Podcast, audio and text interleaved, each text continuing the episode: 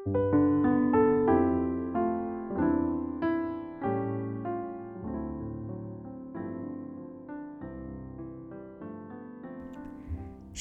teman-teman, saya akan membaca dari buku Hidup yang Disucikan yang ditulis oleh Ellen G. White, bab 5 dengan judul Daniel di dalam lubang singa.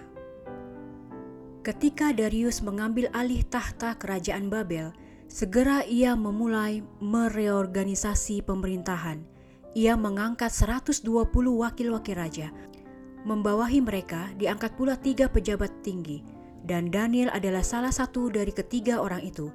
Daniel 6 ayat 2 sampai 3. Maka Daniel ini melebihi para pejabat tinggi dan para wakil raja itu karena ia mempunyai roh yang luar biasa dan raja bermaksud untuk menempatkannya atas seluruh kerajaannya. Ayat 4. Kehormatan yang dilimpahkan kepada Daniel menimbulkan kebencian bagi orang-orang terkemuka di kerajaan itu. Para wakil raja mencari alasan untuk melawan dia, tetapi mereka tidak dapat alasan apa pun atau sesuatu kesalahan, sebab ia setia dan tidak ada didapati sesuatu kelalaian atau sesuatu kesalahan padanya. Ayat 4 Betapa hal ini suatu pelajaran yang penting bagi semua orang Kristen. Pandangan mata yang penuh kecemburuan itu dari hari ke hari diarahkan kepada Daniel. Perhatian mereka didasari kedengkian dan sakit hati. Namun, tak satu kata atau tindakan apa pun yang tampak salah – dan walaupun ia tidak mengaku hidup suci, tetapi ia melakukan yang jauh lebih baik. Ia menghidupkan suatu kehidupan yang setia dan berserah. Semakin tak bercacat celah tabiat Daniel, semakin besar kedengkian yang diarahkan kepadanya oleh musuh-musuhnya. Mereka penuh dengan amarah karena mereka tidak menemukan kesalahan pada tabiat moralnya atau pada pelaksanaan tugas-tugasnya untuk mengadukannya. Maka berkata orang-orang itu, kita tidak akan mendapat suatu alasan dakwaan terhadap Daniel ini, kecuali dalam hal ibadahnya kepada Allahnya. Ayat 6 Tiga kali sehari Daniel berdoa kepada Allah di surga. Inilah satu-satunya tuduhan yang dapat digunakan untuk melawan dia. Kemudian dibuatlah suatu rancangan untuk memastikan kehancurannya. Musuh-musuhnya berkumpul di istana dan menemui raja agar mengeluarkan keputusan bahwa tak seorang pun di seluruh negeri boleh memohon kepada Allah ataupun manusia, kecuali kepada Darius sang raja. Dan selama 30 hari, bila ada yang menentang undang-undang ini, harus dihukum dan membuang pembangkang itu ke dalam lubang singa. Sang raja tidak mengetahui kebencian orang-orang itu terhadap Daniel dan tidak menduga bahwa maklumat itu akan mencelakakan dia. Melalui sanjungan yang melambung tinggi, mereka meyakinkan raja bahwa adalah satu kehormatan besar baginya untuk mengeluarkan titah itu. Dengan senyuman kemenangan iblis di wajah mereka, mereka keluar dari hadapan raja sambil bergembira atas jerat yang telah mereka buat untuk hamba Allah itu. Titah pun dikeluarkan oleh raja. Daniel mengetahui maksud musuh-musuhnya untuk menjatuhkan dia, tetapi ia tidak mengubah pendiriannya sedikit pun. Dengan tenang ia melakukan tugasnya yang biasa, dan pada saat berdoa, ia pergi ke ruang atas yang menghadap Yerusalem. Ia melayangkan permohonannya kepada Allah yang di surga. Dengan demikian, tak gentar dan tegas dinyatakannya bahwa tak ada kuasa duniawi yang menghalangi dia dengan Allahnya dan melarang atau menyuruhnya kepada siapa dia berdoa. Betapa dia seorang besar yang berpegang pada prinsip. Dia menegakkan suatu contoh keberanian dan kesetiaan Kristen yang patut dipuji di hadapan dunia dewasa ini.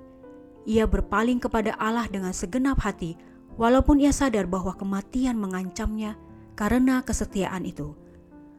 Musuh-musuhnya mengintai dia sepanjang hari. Tiga kali ia harus naik ke atas biliknya, dan tiga kali pula doanya yang sungguh-sungguh telah kedengaran.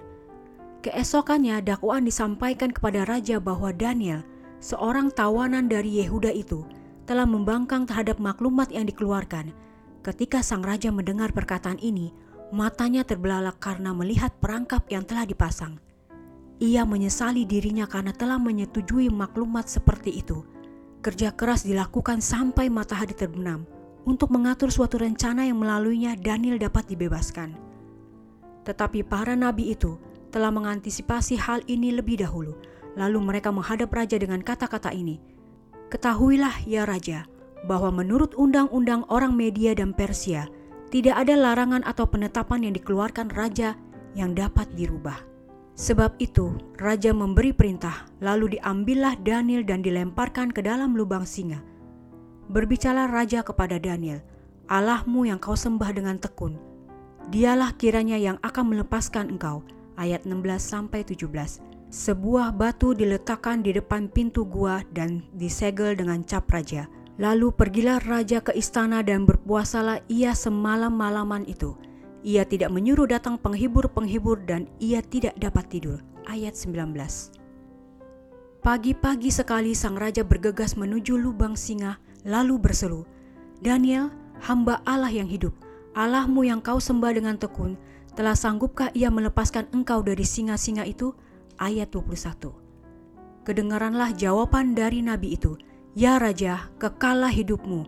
Allahku telah mengutus malaikatnya untuk mengatupkan mulut singa-singa itu, sehingga mereka tidak mengapa-ngapakan aku. Karena ternyata aku tak bersalah di hadapannya, tetapi juga terhadap Tuanku ya Raja, aku tidak melakukan kejahatan.